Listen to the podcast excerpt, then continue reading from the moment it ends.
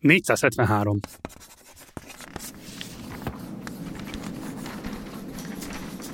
Minden eddiginél rosszabb eredményt értek el a magyar diákok matematikából a 2022-es PISA mérésen. Átlagosan 473 pontot gyűjtöttek úgy, hogy a 2000-es években rendre 490, a 2010-es években pedig 480 pont körül teljesítettek. Egyértelmű, ez egy lefelé tartó spirál.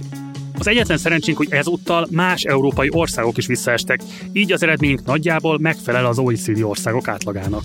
Jelentősen romlott például a német, a finn vagy a hollandiákok teljesítménye is. A nemzetközi lista élén álló ázsiai országok, Szingapur, Tájván, Japán és Dél-Korea viszont megőrizték, vagy javítottak is a korábbi teljesítményen. A péntek reggel eheti podcastjában Juhász Péterrel, a Budapesti Szent István Gimnázium tanárával, a felfedeztető matematika oktatás képviselőivel beszélgetünk arról, miért ekkora mumus a matekóra, és mi kellene ahhoz, hogy jobban boldoguljunk a számokkal. Én Gulyás Márton vagyok, ez pedig a péntek reggel. Hírháttér a Partizántól. És akkor fordulok is a mai vendégünkhöz, Juhász Péterhez. Szervusz, köszönjük, hogy elfogadtad meghívásunkat. Szervusz, én is köszönöm a meghívást. Kezdjük azzal, hogy amióta létezik PISA mérés, sosem volt ennyire alacsony a magyar diákok átlag pontszáma matematikából. Ugye a magyar nyilvánosság mindig is ilyen pontszámfetisizmusban szenvedett. A PISA, mint módszertan szerinted egyébként elárul-e érdemben bármit is egy adott ország oktatási rendszeréről? Szóval Engem nem nagyon befolyásol a PISA mérés, és az, hogy mondjuk a, azt látom, hogy a kelet-ázsiai országok jól szerepelnek, és akkor volt egy időszak, amikor volt egy olyan gondolat, hogy akkor hát, ha ők jól szerepelnek, akkor egyszerűen el kell tanulni azt, amit, amit ők csinálnak, és itt is lehet alkalmazni, és akkor majd nekünk is nagy pontszámunk lesz ez engem nagyon megijesztett, mert hogy az oktatás az egy ilyen nagyon kultúrában gyökerező dolog, és az, hogy idehozom a dél-koreai meg a szingapúri módszereket, azért, mert ott az 480 pontot ad, az egyáltalán nem jelenti azt, hogy, hogy az nekünk is azt fogja adni, illetve nem világos, hogy akarjuk-e azt az árat megfizetni érte, amit esetleg egy szingapúri gyerek fizet azért, hogy ők 480 pontot érnek el a, a, a nem tudom én, a PISA ilyen meg olyan ágában, mert hogy rengeteget tanulnak, kevés szabad idejük van, kevés idő jut arra, hogy ők az autonómiájukat fejleszék, hogy a saját idejével gazdálkodjon. Nyilván jobb, ha, ha sok van, de az a kérdés, hogy milyen áron milyen áron van sok pontunk. Ugye amellett, hogy tanítasz, a Rényi Alfred Matematikai Kutatóintézetben is dolgozol. Igen. Um, és egy kutatási jelentésben azt írod, hogy idézzek, a 21. században a matematika egyre inkább része a mindennapi életünknek, és ezzel egy időben a matematika a legelutasítottabb tantárgyak egyike. Szerinted elutasítottabb, vagy rettegett? Egyre nagyobb reklámja van, hogy a matematika az valami értelmes dolog, és emiatt az elutasítás az már nem annyira trendi, mert azt egyre több ember érzi, hogy igen, ez valami, ami hasznos, de azért mégiscsak szörnyű, Nekem nagyon jó történelmi tanárom volt középiskolában, de ha egy olyan lett volna, aki arra utazott volna, hogy nekem azt kell tudnom, hogy a Mohácsi csata melyik hétköznap volt, akkor én is pont ezt érezném a történelmi iránt, hogy az valami, valami szörnyűség. Tehát, hogy, és ezt gondolom, hogy ha valahogy azt az arcát mutatják meg a matematikának, amiben csak ez van, hogy neked fejből kell tudnod a koszinusz tételt, miközben fogalmat sincs, hogy mi a halálra fogod használni az életed során a koszinusz tételt, de a, de a dolgozaton kívül is mire fogja bárki használni, akkor az, az egy nagyon, nagyon kellemetlen helyzet, és, és nagyon, nagyon megnehezíti az életet. De hogyha, hogyha azt érzed, hogy ez egy kellemes környezet, jó itt lenni, oké, okay, én nem gondolom, hogy a koszinusz tétel különösebben fontos, de azt gondolom, hogy az lehet egy eszköz arra, hogy kellemes legyen a, az életünk. Tehát a Mohácsi csatának sincs túl nagy hatása a mai életre, de egy csomó mindent megérthetünk a mai világban, jobban eligazodhatunk azáltal, hogy a Mohácsi csatának a körülményeit, előzményeit, utolzmányait, következményeit megértjük. Mondjuk az, hogy ott mi történt, abból lehet következtetni arra, hogy, hogy ma valami után hogy viselkedik sok ember együtt, milyen dolgok történnek. És ugyanez van a matematikával is szerintem, hogy konkrétan az, hogy neked most nem mehetsz át az érettségin úgy, hogyha nem tudod, mi az a Pitagorasz tétel, ennek nincs nagy jelentősége, mert konkrétan a Pitagorasz tételt nagyon kevesen, nagyon ritkán fogják használni. A matematika egyik tétele szerint két negatív szám szorzata mindig pozitív szám. Nehezen érthető igazság ez. Ha ezt a furcsa igazságot lefordítjuk a történelem nyelvére, hirtelen kirajzolódnak előttünk a magyar história alapvonalai. Végül pozitív végeredmény lett, megmaradás, haza és szabadság. Igazi misztérium ez, azt azért egy picit világítsd meg, hogy mit értesz az alatt az állítás alatt, hogy a matematikának egyre nagyobb jelentősége a hétköznapokban. Mondok egy olyat, amit itt szoktam kérdezgetni emberektől, és meg szokta őket lepni, hogy van mindenkinek valami, e-mailezik valamilyen rendszeren, ahova belép egy jelszóval. Vajon az a szolgáltató tudja az ő e-mail jelszavát? És akkor nagy csend van, és akkor az emberek felteszik, a 95% felteszi a kezét, hogy persze, hát hogy ne tudná az a szolgáltató az éjjelszavamat, mert különben hogy dönteni el, hogy beenged engem. Ezek után felszoktam tenni azt a kérdést, hogy hány hely, egy ilyen viszonylag népszerű szolgáltatót konkrétan szoktam megkérdezni, és hogy hány helyen ugyanaz a jelszavad, mint az annál, a, annál az e-mail szolgáltatón, vagy hogy ki az, akinek van máshol ugyanaz, és akkor megint felteszi 75% a kezét, és mondom, hogy na akkor nem gondolod, hogy az kicsit necces, hogyha ő tudja, tudja a te jelszavadat? És mondják, hogy de necces, de hát mit lehet tenni? Mondom, azt lehet tenni, hogy ez ki van találva, hogy ők nem tudják a te jelszavadat és ne, az nem is igaz, hogy csak azzal a jelszóval enged be, csak lényegében lehetetlen kitalálni egy másikat, amivel beenged. És ez nem olyan nagyon-nagyon bonyolult dolog, ezt meg lehet érteni, nem azt mondom, hogy most a következő három percben ezt elmagyarázom, de hogy egyrészt ez egy matematikai vívmány, másrészt ennek a valamennyire az alapjait meg lehet érteni. De mondok egy másik példát. Az emberek felvételiznek középiskolába is, egyetemre is. Egész sokan. És ez egy állandó probléma, hogy sokan azt mondják, hogy hát nem írom be a hőn áhított helyet az első helyre, mert oda valószínűleg majdnem biztos, hogy nem fognak felvenni, inkább beírom a közepesen izgalmasat, vagy a közepesen vonzót, mert oda fölvesznek, és az a biztos. Ha megérti valaki, hogy hogy működik a felvételi rendszer, ami persze az összes apró részletében őrült komplikált, de az alapkoncepció nem olyan komplikált, akkor megérti azt, hogy nem szabad taktikázni. Ha te szociológiára akarsz menni, ahova 480 pont izé, az a vágyad, és te mégis 430-at jósolsz magadnak, akkor is írd be a szociológiát, semmivel se lesz kevesebb esélyed bejutni egy olyan szakra, ami, ami, ami, amin kevesebb a pontszám ez, ez valami matematikai konstrukció, amit meg lehet érteni, és ez ráadásul olyan, hogy én ezt 11-be el szoktam mesélni a gyerekeknek, normális gyerekeknek, és ez teljesen megérthető. Az úgynevezett felfedeztető matematika tanítást képviseled, ez pontosan mit jelent? Az alapkoncepció az az, hogy azt szeretnénk, hogy a gyerekek lehetőség szerint minél több mindenre saját maguk jöjjenek rá. Jellemzően az történik az iskolában, hogy a tanár bejön, felírja, hogy 37. óra koszinusztétel aláhúzza. És utána azt mondja, hogy ez gyerekek a koszinusztétel. És utána jön 15 feladat, amiben megadjuk egy háromszögnek egy szögét, meg két oldalát, és kiszámoljuk a harmadik oldalát, vagy esetleg viccesebb helyzetekben három oldalt adunk, meg azt még egy szöget kell kiszámolni. És ez történik. Ehelyett, hát most a, az, hogy a koszinusz tételt hogy tanítjuk felfedeztetően, az egy bonyolult dolog, de hogy valahogy azt szeretném, hogy ő rájöjjön arra, hogy van egy ilyen összefüggés. Ő maga mondja ki ezt, nem húzzuk alá a címet, nincs, ilyen, nincs egy ilyen de, talán által deklarált témája esetleg az órának, hanem vannak problémák, azokon gondolkozunk, és azon haladunk előre. És akkor ők néha megérnek arra, hogy valamit kimondjanak, és akkor megnézzük azt, hogy ez rendben van-e így, és akkor megyünk tovább, arra, arra építünk. De hogy nem én mondom el nekik a tudást, hanem ők maguk jönnek rá ettől felfedeztető, hogy ők felfedezik azt, amire, amire szükségük van. Vagy hát igazából nem világos, hogy amire szükségük van, hanem inkább az, ami a tananyagban van.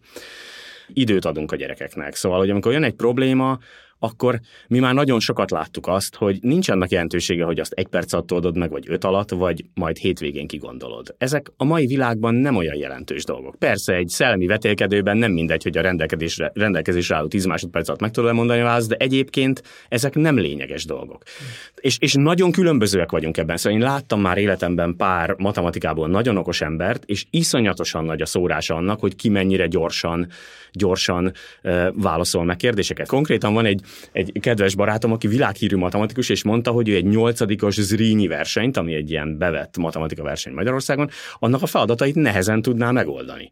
Mert kevés idő van, sok feladat, apró, gyorsan kell ott valamiket mondani, Szóval, hogy ez nem annyira lényeges dolog, hogy én ilyen nem túl komplikált dolgokban ilyen gyors legyek. Én azt szoktam mondani, hogy a magyar iskolában a tanár arra kíváncsi, hogy mit nem tudsz, és nem arra, hogy mit tudsz.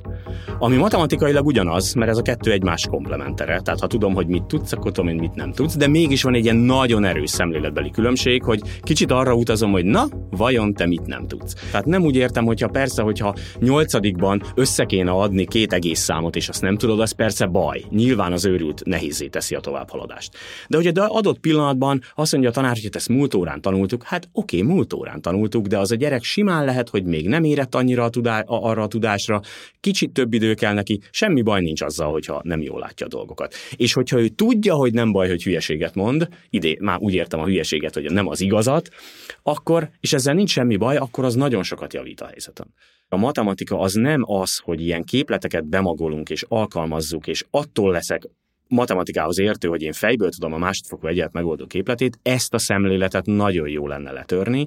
Ne ez a mechanikus dolog legyen, hanem az, hogy én gondolkozom, és én aktív cselekvője vagyok annak, ami történik, nem egy ilyen szolgaszerű végrehajtója az elmondott dolgoknak, mert az pláne ma már, hát a körülöttünk lévő eszközök azok baromi könnyen megcsinálják. Tehát, hogy azt, azt azért egy kilencedikes gyerek is könnyen átlátja, hogy a másodfokú egyenlet kép, megoldó képlete, a, miért kell azt tudnia? Hát a, a legegyszerűbb telefon, vagy tablet, vagy nem tudom én, tehát tényleg már minden tudja, akkor most ez miért olyan fontos? És tényleg nem ez a fontos, hanem az, hogy ez valahogy ő cselekvően benne legyen ebben a folyamatban, magáénak érezze, hogy az jó, és azt érezze, hogy, hogy gondolkozni az örömet okoz. Hm. Szóval, hogy az egy jó érzés. Amikor én jövök rá valamire, az sokkal jobb, mint amikor a tanár megmondja. Hm.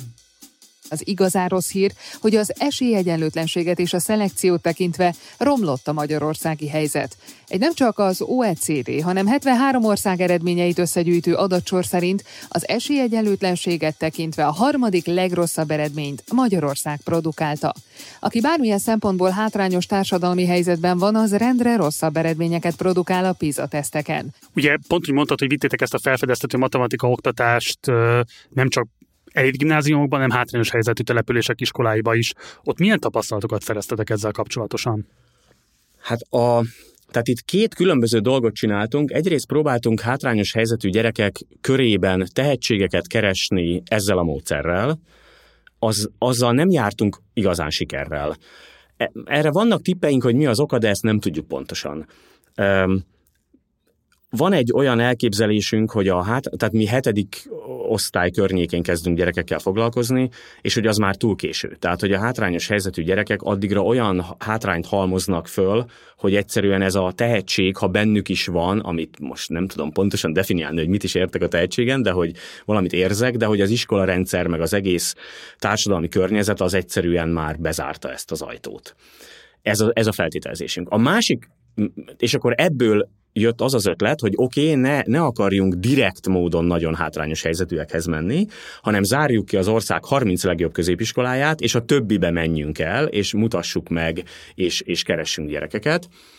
És ez a dolog, ez jól működik. Tehát szeretik a gyerekek a foglalkozásokat, tehát körülbelül így évente egy ilyen 1300-1500 gyerekkel találkozunk. Jellemzően jók a, jók a visszajelzések, és utána ennek van egy folytatása, ahol jönnek gyerekek, és, és az nagyon jó érzés, hogy, hogy az ország nagyon sok pontjáról jönnek, és, és ügyesek, érdeklődőek, és nagyon kellemes velük, velük együtt dolgozni. Nemzetközi szinten is visszaesést látunk a PISA eredményekben. Radó Péter úgy fogalmazott, hogy Európa hozzánk romlott. Ugye adja magát, hogy a járványra és az iskola bezárásokra mutogassunk, de a PISA jelentés szerint ez legfeljebb részben magyarázza a csökkenést. Neked mi a személyes tapasztalatod? Mennyire vetette vissza a COVID a diákok teljesítményét? Visszavetette, én azt gondolom, tehát ez látszik. A gyerekeken látok olyasmit, hogy, hogy tényleg valamilyen értelemben kicsit hátrébb vannak ahhoz képest, ahol, ahol megszoktam, hogy ugyanebben a korban ugyanilyen típusú gyerekek szoktak lenni. Szociálisan is érzek nehézséget, hogy ott volt, nem tudom én, kinek mennyi bezártság, ezt azért sok, sok embert megviselt lelkileg ez. Tehát, hogy szerintem sokkal több olyan gyerek van most a középiskolákban, akik, akik lelkileg nincsenek annyira rendben, ami oda eredeztethető, vagy, hogy mondjam, vagy inkább azt mondom, hogy az rátett egy lapáttal, ezt a fejünkbe kell tartani, és úgy kell viszonyulnunk hozzájuk, hogy, hogy ez esetleg egyikük másikukban komoly, komoly kárt okozott. A PISA jelentés a digitális eszközök szerepével is foglalkozik. Számos országban betiltották az iskolában, de igazából nem világos, hogy ez jó irány-e, mert arra is van példa, hogy ha jól használják, akkor adott esetben segíthet is a tanulásban. Neked mik a tapasztalataid ebben a vonatkozásban?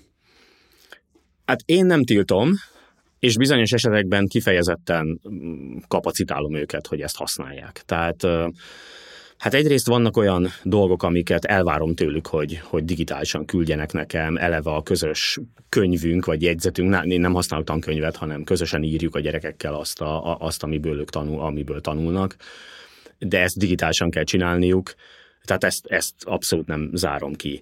Azt látom, hogy, hogy az egy létező jelenség, hogy egy, az órán a telefon az megzavarja őket. Tehát, hogy kiteszik az asztalra, jönnek az üzenetek, és az fontosabb nekik, hát persze lehet, hogy én nem csinálom jól, de hogy úgy nekem rosszul szokott esni, hogy én most úgy érzem, hogy tök jól működik a dolog, itt vagyunk, beszélgetünk, minden klassz, és akkor ő megnézi, hogy ki, ki mit küldött neki a telefonon. Tehát én azt szoktam mondani, hogy ez legyen ilyen kordában tartva, tehát hogy alapvetően nem szeretem, ha ott van a telefon, ha annak nincs valami funkciója. De hogy sokszor azt mondom, na most akkor vegyük elő, ezt vagy azt számoljuk ki, vagy azt mondom, hogy vannak olyan matematikai szoftverek direkt, amiket ők is tudnak használni, azzal nézzük meg, szerkesszük meg, próbáljuk ki. Szóval én ezt nagyon-nagyon jó ötletnek tartom. Szóval, hogy én azt gondolom, hogy ez alapvetően szükséges, hogy ezt behozzuk a, a, a tanításba, mert hát annyira körülvesz minket, annyira az életünk része, hogy én azt gondolom, hogy az nem jó, ha ezt teljesen kizárjuk. Minden, amit nagyon szigorúan tiltunk, én azt gondolom, hogy az visszaüt. Szóba került, hogy a felfedeztető matematika oktatás egy idő, időigényesebb pedagógiai módszertan. Ezt a jelenlegi köznevelési, közoktatási keretrendszerbe hogyan lehetne beilleszteni? Én csináltam egy kísérletet a, arra, hogy, hogy négy évig tanítottam egy normál középiskolai osztályt, persze egy viszonylag jó gimnáziumban, ezt abszolút elismerem, és nem is akarnám titkolni, ezzel a módszerrel, tehát négy éven keresztül kizárólag ezzel a módszerrel tanítottam őket, ez a, és ez három párhuzamos csoportban zajlott, szóval két kollégámmal csináltuk ezt, és mindannyian azt tapasztaltuk, hogy az elején ez sokkal időigényesebb. Tehát amikor elkezdtük 9 akkor nagy lemaradás volt az elején. És ez körülbelül 11. fél évre értük utol kb. magunkat, már úgy értem, hogy akkorra jutottunk el nagyjából oda, hogy ahol ilyenkor szoktak lenni az egy- emberek 11. fél évkor, és utána úgy az, hogy az egészen vég, végigérjünk, az, az, az egész kényelmes volt. És akkor persze kérdés, hogy mi lett a kimenet. Tehát a, az érettségin aminek az eredményét én nem tekintem egy ilyen őrült meghatározó dolognak, de ne- nehéz mással mérni így számszerűen. Szóval az érettségén ezek a csoportok lényegében ugyanúgy teljesítettek, mint a, azok a csoportok, akik a korábbi években ugyanilyen típusú osztályba jártak az adott intézményben. Tehát se az nem derült ki, hogy ettől most ők jobbak lettek matematikából, vagy az érettségén, se az, hogy rosszabbak. Ami nekem ilyen szignifikáns különbség, hogy ez egy mindenki azt mondta, hogy jól érezte magát ezeken az órákon, szóval jó volt négy évig matek órára járni, szóval a tanárok ezt érezték, hogy így érzik a diákok, de még egyetemista korukban is kérdezgettük őket, ut- ilyen követést végezve, és azt mondták, hogy, hogy azt érzik, hogy az egyetemen könnyebben megy nekik az, hogy nehéz, gyor, amikor gyorsan tanít nekik a, a, az egyetem nehéz dolgokat, akkor azt könnyebben felfogják. A probléma az, legalábbis nekem, lehet, hogy vannak nálam sokkal ügyesebb tanárok, hogy ez időigényes a tanárnak, ne, tehát úgy értem, egyrészt van ez egy időigényes, hogy úgy tűnik, hogy több időbe kerül, de hogy a tanárnak időigényes, tehát akinek heti 24 órája van, annak nagyon nehéz minden órát felfedeztetően tartani. Szóval én jellemzően kb. annyi időt készülök az óráimra, mint amennyi megtartani őket. Na most az ugye akkor azt most mindenki ki tudja számolni, hogy az nem annyira fér bele, mert még van dolgozatjavítás, meg ezer egyéb dolog, amit egy tanárnak csinálnia kéne. Tehát 24 órát nem lehet, nem lehet szerintem ilyen körülmények között épeszűen megtartani. Záró kérdés. A matematikai közoktatást már jó ideje maguk mögött hagyó hallgatóink, akik most a beszélgetés hatására vágyat éreznek magukban a matematika újrafelfedezésére, mit javasolnál, hol kezdjék? Egyre több érdekes érdekes információ található az interneten. Szóval magyarul például van egy érintő nevű, nevű online matematikai folyóirat, ami azt hiszem ematlap.hu a címe, ami, ahol találhatnak az emberek olyan információt, ami nem feltétlenül nagyon mély matematika, de elkezdődik ez, hogy úgy, ha érdeklődünk a matematika iránt, akkor érdekes dolgokat találunk. Vannak nagyon jó YouTube csatornák, amik baromi látványosan, nagyon szépen elmagyaráznak dolgokat, Sajnos én azt látom egyelőre, hogy az egyszerűbb dolgokhoz ez még nem alakult ki, szóval ilyen haladó matematikai dolgokra gyönyörű, gyönyörű dolgok vannak, az egyszerűbbeknél az kérdéses, de ha mondjuk valaki valamit konkrétan nem ért, akkor, akkor nagyon sok minden van, ami, ami, tehát akár a Wikipédia, akár a Khan Academy, tehát egy csomó olyan, olyan lehetőség van az interneten, ami, ami, ami megmagyarázza neki. De ami szerintem a legjobb, hogy keres olyan dolgokat, ahol problémák vannak. Szóval például a kollégáim írtak egy, egy könyvet, Hajók, festmények, nagymamák, ez a címe, e, és, és egy csomó olyan feladat van benne, ami alapvetően iskolás diákoknak szól, de hogyha valaki a kezébe veszi, akkor szerintem olyan, hogy van kedvem rajta gondolkozni. Tehát, hogy, hogy ez 30 évesen, vagy 50 évesen, vagy 70 évesen is el lehet kezdeni, és izgi lesz, van benne segítség, van benne megoldás a végén, Szóval szerintem valahogy így kell, és az, az, az nagyon fontos, hogy azt állítsát a fejében, hogy nem az a matematika, hogy most akkor meg kell tanulnom hat oldal képletet, akkor leszek nagy sztár, hanem az, hogy gondolkozni kell, és az időigényes, de jó. Nem gondoltam volna, hogy karácsony ajándékról is kapok ötletet a mai beszélgetésből, de még ez is megtörtént. Juhász Péter, nagyon szépen köszönöm, hogy itt voltál velünk, és mindezt megosztottad a hallgatóinkkal. Én is nagyon köszönöm. Ez volt a Péntek reggel, a Partizán hírháttér szolgáltatásának eheti podcastja. Ha még jobban érdekelnek a PISA eredmények, olvasd el a hírlevelünket is. Ehhez nem kell más tenned, mint feliratkozni a leírásban található linken. Ha így teszel, ezentúl hétről hétre elsőként kaphatod meg a hírlevelünket, podcastunkat és egyperces videónkat. A Péntek reggelben mindig három különböző formában járunk körbe egy fontos és aktuális témát, és te döntöd el, mennyire mélyülsz el benne. Köszönöm a figyelmedet a teljes táb nevében Gulyás Márton, a Péntek reggel műsorvezetője. A Péntek reggel hírlevelének és podcastjának a szerkesztője Szurva Cillés. További szerkesztő munkatársak Laki Gergely és Puskár Krisztián. Zene és hang Érsik Bence. Grafika Gondel András. Videó Kecskeméti Bálint. Bejátszók Bátori Benyámin. Gyártásvezető Beke Anna. IT Tóth Norbert. Nézd, olvasd, hallgass. Minden péntek reggel. Ciao.